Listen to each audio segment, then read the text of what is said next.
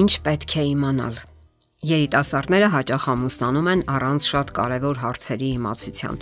Իսկ ինչ պետք է իմանան հատկապես տղաները կանանց մասին, որpիսի ունենան խաղաղ եւ ճիշտ փոխհարաբերություններ։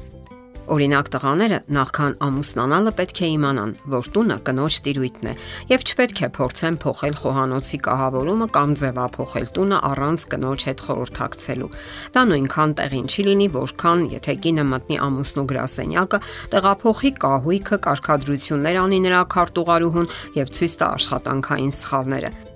Կնոջը ազատություն է անհրաժեշտ տնային կահավորումը ապահովելու համար։ Դա նրա աշխարհն է։ Կնոջ համար շատ կարևոր է, որ իր զգացմունքներին հարգանքով եւ ըմբռնումով մոտենան։ Նա ամուսնուց ոչ այնքան հիմնախնդրի լուծում է սպասում, որքան կարեկցանք։ Նա ուրախ կլինի, եթե ստանա խնդրի լուծումը, սակայն դա չէ գլխավորը։ Երբ կինը հուզված է եւ անտրամադիր, լուրջ զրույցի կարիք է զգում։ Եթե տղամարդը լսում է մեկ ականջով եւ անտարբերություն է ցուցաբերում, ապա դա բոլորովին էլ այն արձագանքը չէ, որին սпасում է կինը։ Ահա թե ինչու կանայք հաճախ վեճ են հրահրում աննշան առիթով եւ լուն ուխտ են սարքում, ինչն ընդհանմենը ուշադրություն գրավելու թույլ փորձ է։ Մեկ այլ օրինակ՝ Կինը կարող է լույս աշխարհ հանել հնգամյա հնության մի արտահայտություն, որը ոչ մի կապ չունի զրույցի հետ, եւ դրա հիման վրա միանգամայն անընդունելի հետեւություն անի։ Ամենահետաքրքիրն այն է, որ նման վիճաբանությունների ժամանակ նա վեճի պահանջ չի զգում։ Նրան ուղակի պետք է, որ ամուսինը հասկանա իր զգացմունքները։ Ընդ որում, դեպքերի մեծ մասում նրանք չեն ցանկանում, որ ամուսինը կամ կոնկրետ ընկերը, զուգընկերը համաձայնի իր արտահայտած բոլոր մտքերին։ Դեռ ավելին, նա կվիրավորվի, եթե այդպես լինի։ Մի կարևոր պահ եւս Տղամարդիկ պետք է հարգեն կանացի յենթագիտակցությունը կամ, այսպես ասած, ինտուիցիան։ Տղամարդկանց մոտ երբեմն այն տպավորությունն է, որ կանանց անհնար է հասկանալ, որովհետև նրանք բոլորովին այլ եղանակով են լուծում հիմնախնդիրները։ Վերլուծության ժամանակ տղամարդն ապավինում է գլխավորապես մաքուր տրամաբանությանը այնինչ կանայք իրավիճակը չեն դիտարկում նրանց նման։ Նրանք բաժանում են այն բաղկացուցիչ մասերի եւ առաջարկում լուծման իրական տարբերակը։ Դրա հիմքում սովորաբար հուզական գործընթացն է, թեև տղամարդը որպես կանոն ներողամտաբար է վերաբերվում կնոջ հուզական հակազդեցությանը, որովհետեւ նրա կարծիքով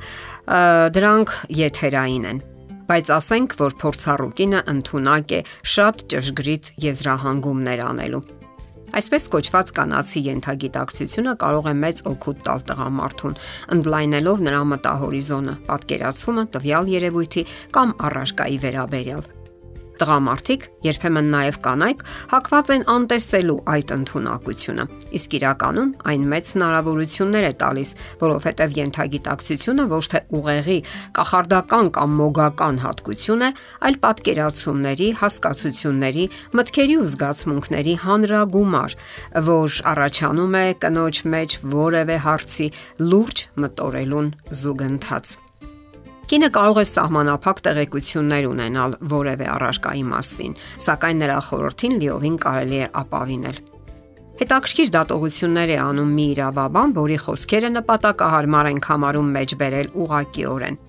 Իմ տղամարդ այցելուների ուղիղ կեսը կլուծեր իր հիմնախնդիրները, եթե տանը դա քննարկեր կնոջ հետ։ Ես չեմ հասկանում, թե ինչպես կարող է խելամիտ կին ունեցող խելամիտ տղամարդը չնկատել, թե իմաստության ինչպիսի գանձարան ունի իր կողքին։ Ինչու նա գործի չի դնում իր կապիտալի երկրորդ կեսը։ Եթե նույնիսկ իր տեսակետը բացարձակապես ճիշտ է, նա հարցին նայում է այնպիսի մոտ տարածությունից, որ ծառերի յետևում չի տեսնում անտառը։ Եթե տղամարդը խորուրդ հարցնի կնոջից, նա կարող է հարցը parzել ավելի հստակ, թեկուս հենց այն բանի շնորհիվ, որ դատում է անկանխակալ եւ չի խորանում մանրուքների մեջ։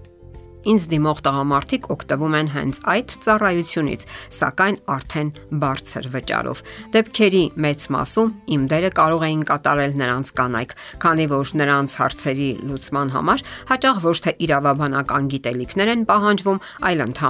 առողջ դատողություն եւ թարմ հայացք։ Տղամարդիկ պետք է իմանան, որ կանանց հաճախ հատուկ է տրամադրության արագ փոփոխությունը որ տղամարդը կարող է անցալել որպես հուզական անկայունություն, սակայն այդ տատանումները պարզապես հատուկ են կնոջ հուզական բնույթին, միանգամայն տարբերվելով տղամարդկայինից։ Դրանք վահանագեղձում տեղի ունեցող փոփոխությունների արդյունք են նաև։ Կանացի հուզական առանձնահատկություններից մեկն էլ արցունքներն են, որոնք ընդունակ են ուժեղ ազդելու տղամարդկանց նյարդերի վրա։ Կինը երբեմն լացում է լուրջ առիթով, երբեմն աննշան առիթով, կամ էլ այդպես է թվում առաջին հայացքից։ Արցունքները խոսում են ոչ թե ինքնահսկողության բացակայության մասին, այլ ավելի շուտ կնոջ զգայուն բնույթի մասին։ Նա կարող է դիմել արցունքներին որպես կൂട്ടակված լարվածության լիցքաթափման միջոց։ Նա կարող է լացել խորապես հուզված, վիրավորված կամ էլ երջանիկ պահերին։ Այդպիսի պահերին կանանց մեծ մասը գնահատում է կարեկցանքի նուրբ խոսքերը Դա վկայություն է, որ իրենց զգացումները հասկանում են։ Տղամարդիկ պետք է հնարավորության սահմաններում հաշվի առնեն նաև նախադաշտանային շրջանում սկսվող հոգեբանական գործոնները եւ պատրաստ լինեն կնոջ վարքագծում տեղի ունեցող որոշակի հուզական փոփոխություններին։ Այդ փոփոխությունները սկսվում են այդ պահից մոտ 5 օր առաջ եւ արյան մեջ աճում է էստրոգենների քանակը։ Եվ վերջապես չմոռանանք, կնոջ համար կարևոր են ոչ թե իրերը, այլ ուշադրությունը։ Թեև այսօր հասարակությունը մեծ նշանակություն է տալիս նյութական ունեցվածքին եւ ձեռքբերումներին, սակայն իրերը երբեք չեն կարող երջանկություն ապարգևել կնոջը եւ փոխարինել սիրուն։ Դե ի՞նչ, արժե մտածել այս ամենի մասին։ Եթերում է ճանապար երկուսով հաղորդաշարը։ Հարցերի եւ առաջարկությունների համար զանգահարել 033 87 87 87 հեռախոսահամարով։